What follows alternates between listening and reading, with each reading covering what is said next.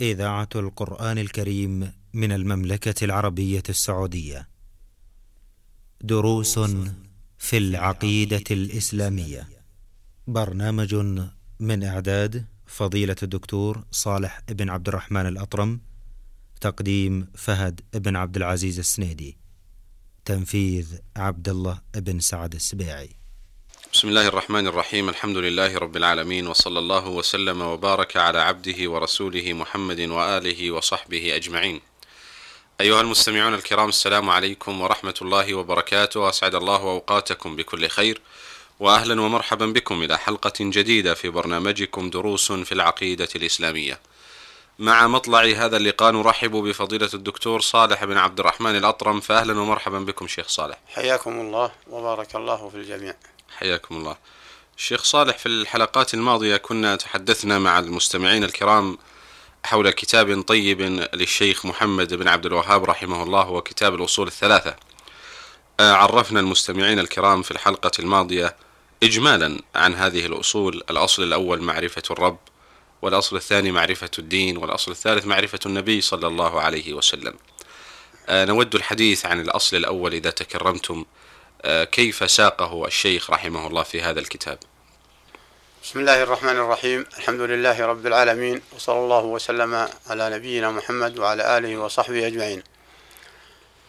من المعلوم أن كل طالب علم شرعي فإنه داعية إلى الله سبحانه وتعالى. ثم إن طريق الدعوة إلى الله حسب توفيق الإنسان الداعية. فمنهم من يمنح الفهم العميق ومعرفة الأسلوب ومعرفة كيف يدعو وكيف يأمر وكيف ينهى. فسلك الشيخ رحمة الله عليه عبارة عجيبة. في في طرحه للأصول التي لا يستغني عنها أي إنسان لا كبير ولا صغير ولا مبتدي ولا منتهي وهي الأصول الثلاثة. فجاء بهذه الطريقة وهو قوله رحمة الله عليه فإذا قيل لك ما الأصول الثلاثة؟ فقل معرفة الرب معرفة دين الإسلام معرفة النبي محمد صلى الله عليه وسلم. ثم عاد ليعرف بالرب بطريقة السؤال. فقال وإذا قيل إذا قيل لك من ربك؟ فقل ربي الله الذي رباني وربى جميع العالمين بنعمه. وهو معبودي ليس لي معبود سواه والدليل قوله تعالى الحمد لله رب العالمين.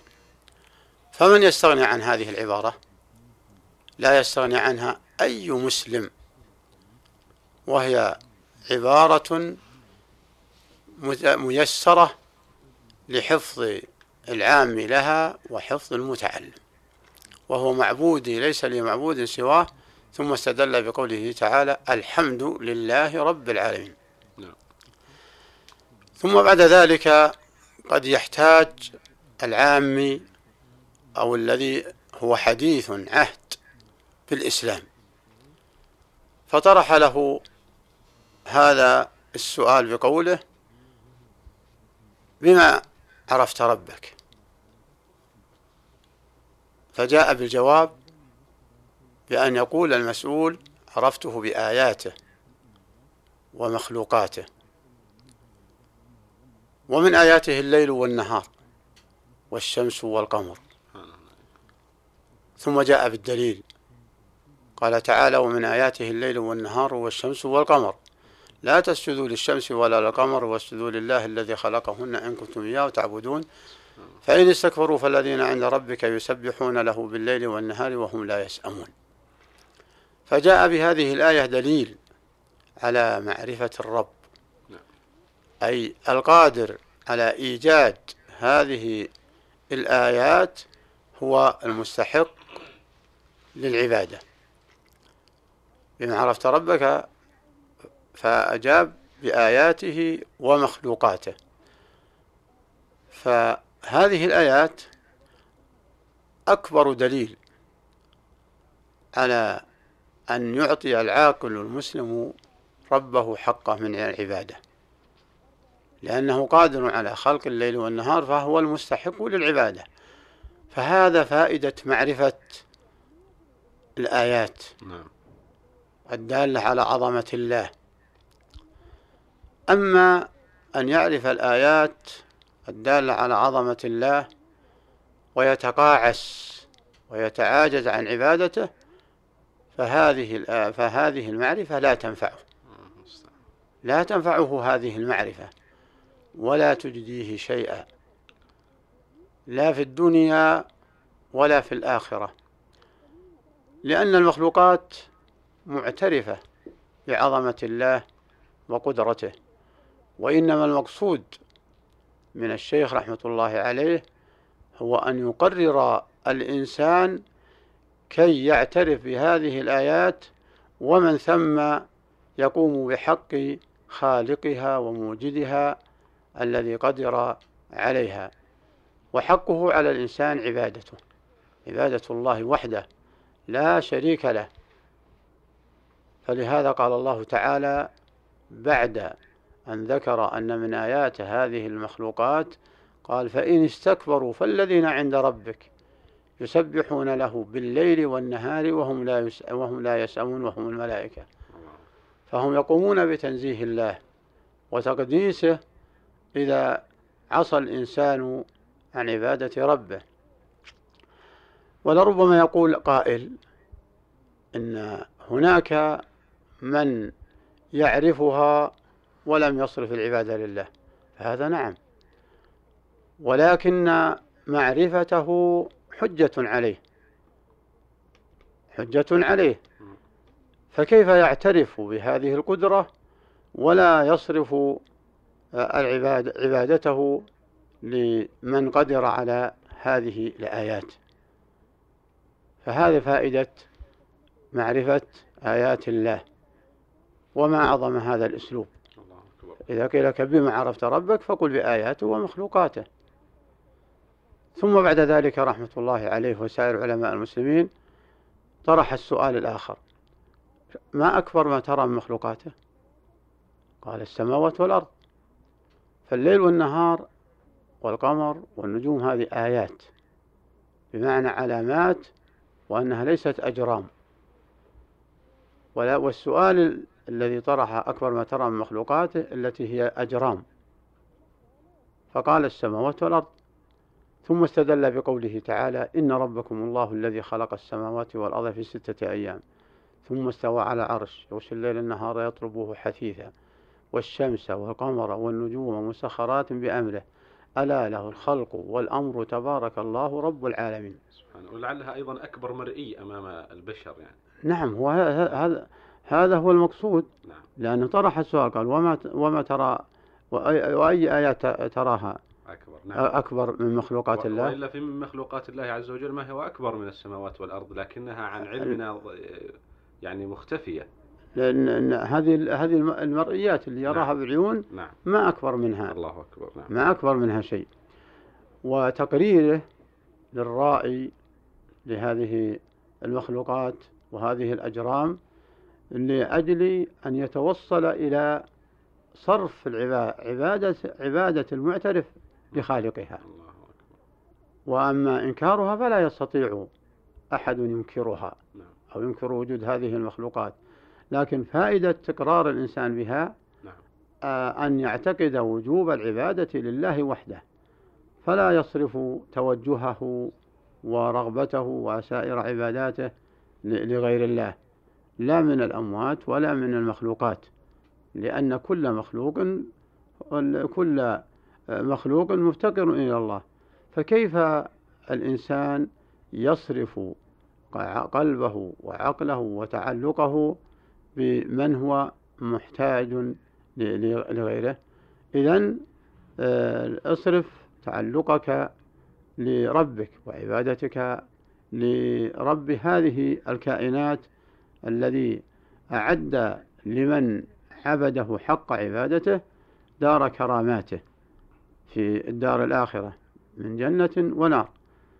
آه، فالذي عد فالإنسان أعدت له في الآخرة هذه آه، هذه الداران الجنة والنار. وما هي إلا للثقلين الجن والإنس. وليست لسائر المخلوقات.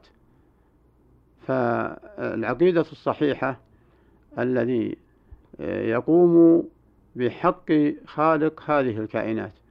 ولهذا قال الله تعالى في ختام هذه الآية ألا له الخلق والأمر فتبارك الله رب العالمين. معنى له الخلق أي هو القادر على الخلق والإيجاد. والأمر هو الآمر الناهي. ومن ثم يتحتم آه تحتم العقيدة الصحيحة امتثال أمره واجتناب نهيه لأنه قال ألا له الخلق والأمر. فليس لغيره أمر وليس لغيره سبحانه وتعالى نهي.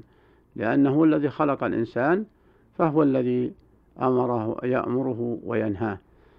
ثم ثم عظم الله سبحانه وتعالى نفسه بقوله فتبارك الله رب العالمين و ثم قال الشيخ رحمه الله والرب هو المعبود والرب هو المعبود.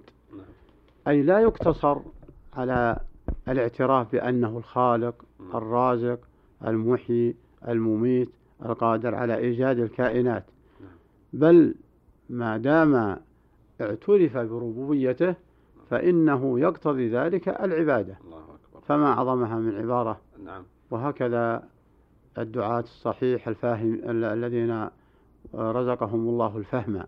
قال والرب هو المعبود. الله فهل يا شيخ عفوا نعم. آه، قبل أن ندخل في معنى العبادة الحقيقة هو موضوع يستحق الإطالة والوقت قارب على الانتهاء لكن أود من فضيلتكم الإشارة إلى آه، هذا الترتيب الرائع الذي يسلكه الشيخ رحمه الله تعالى.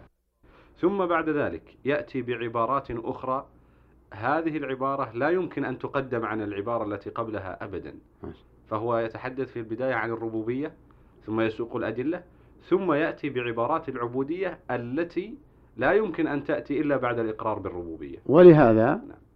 ولهذا لما قال والرب هو المعبود استدل بقوله تعالى يا أيها الناس اعبدوا ربكم نعم. الذي خلقكم والذين من قبلكم لعلكم تتقون الذي جعل لكم الأرض فراشا والسماء بناء وأنزل من السماء ماء فأخرج به من الثمرات رزقا لكم فلا تجعلوا لله أندادا وأنتم تعلمون قال رحمه الله بعد ذلك الخالق لهذه الأشياء هو المستحق للعبادة.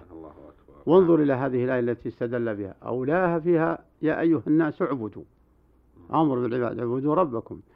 ثم ختمها بالنهي عن الشرك وعن جعل لله مثيلا ونظيرا. فقال فلا تجعلوا لله أندادا أي أشباها ونظائر. وأنتم تعلمون بطلان ذلك.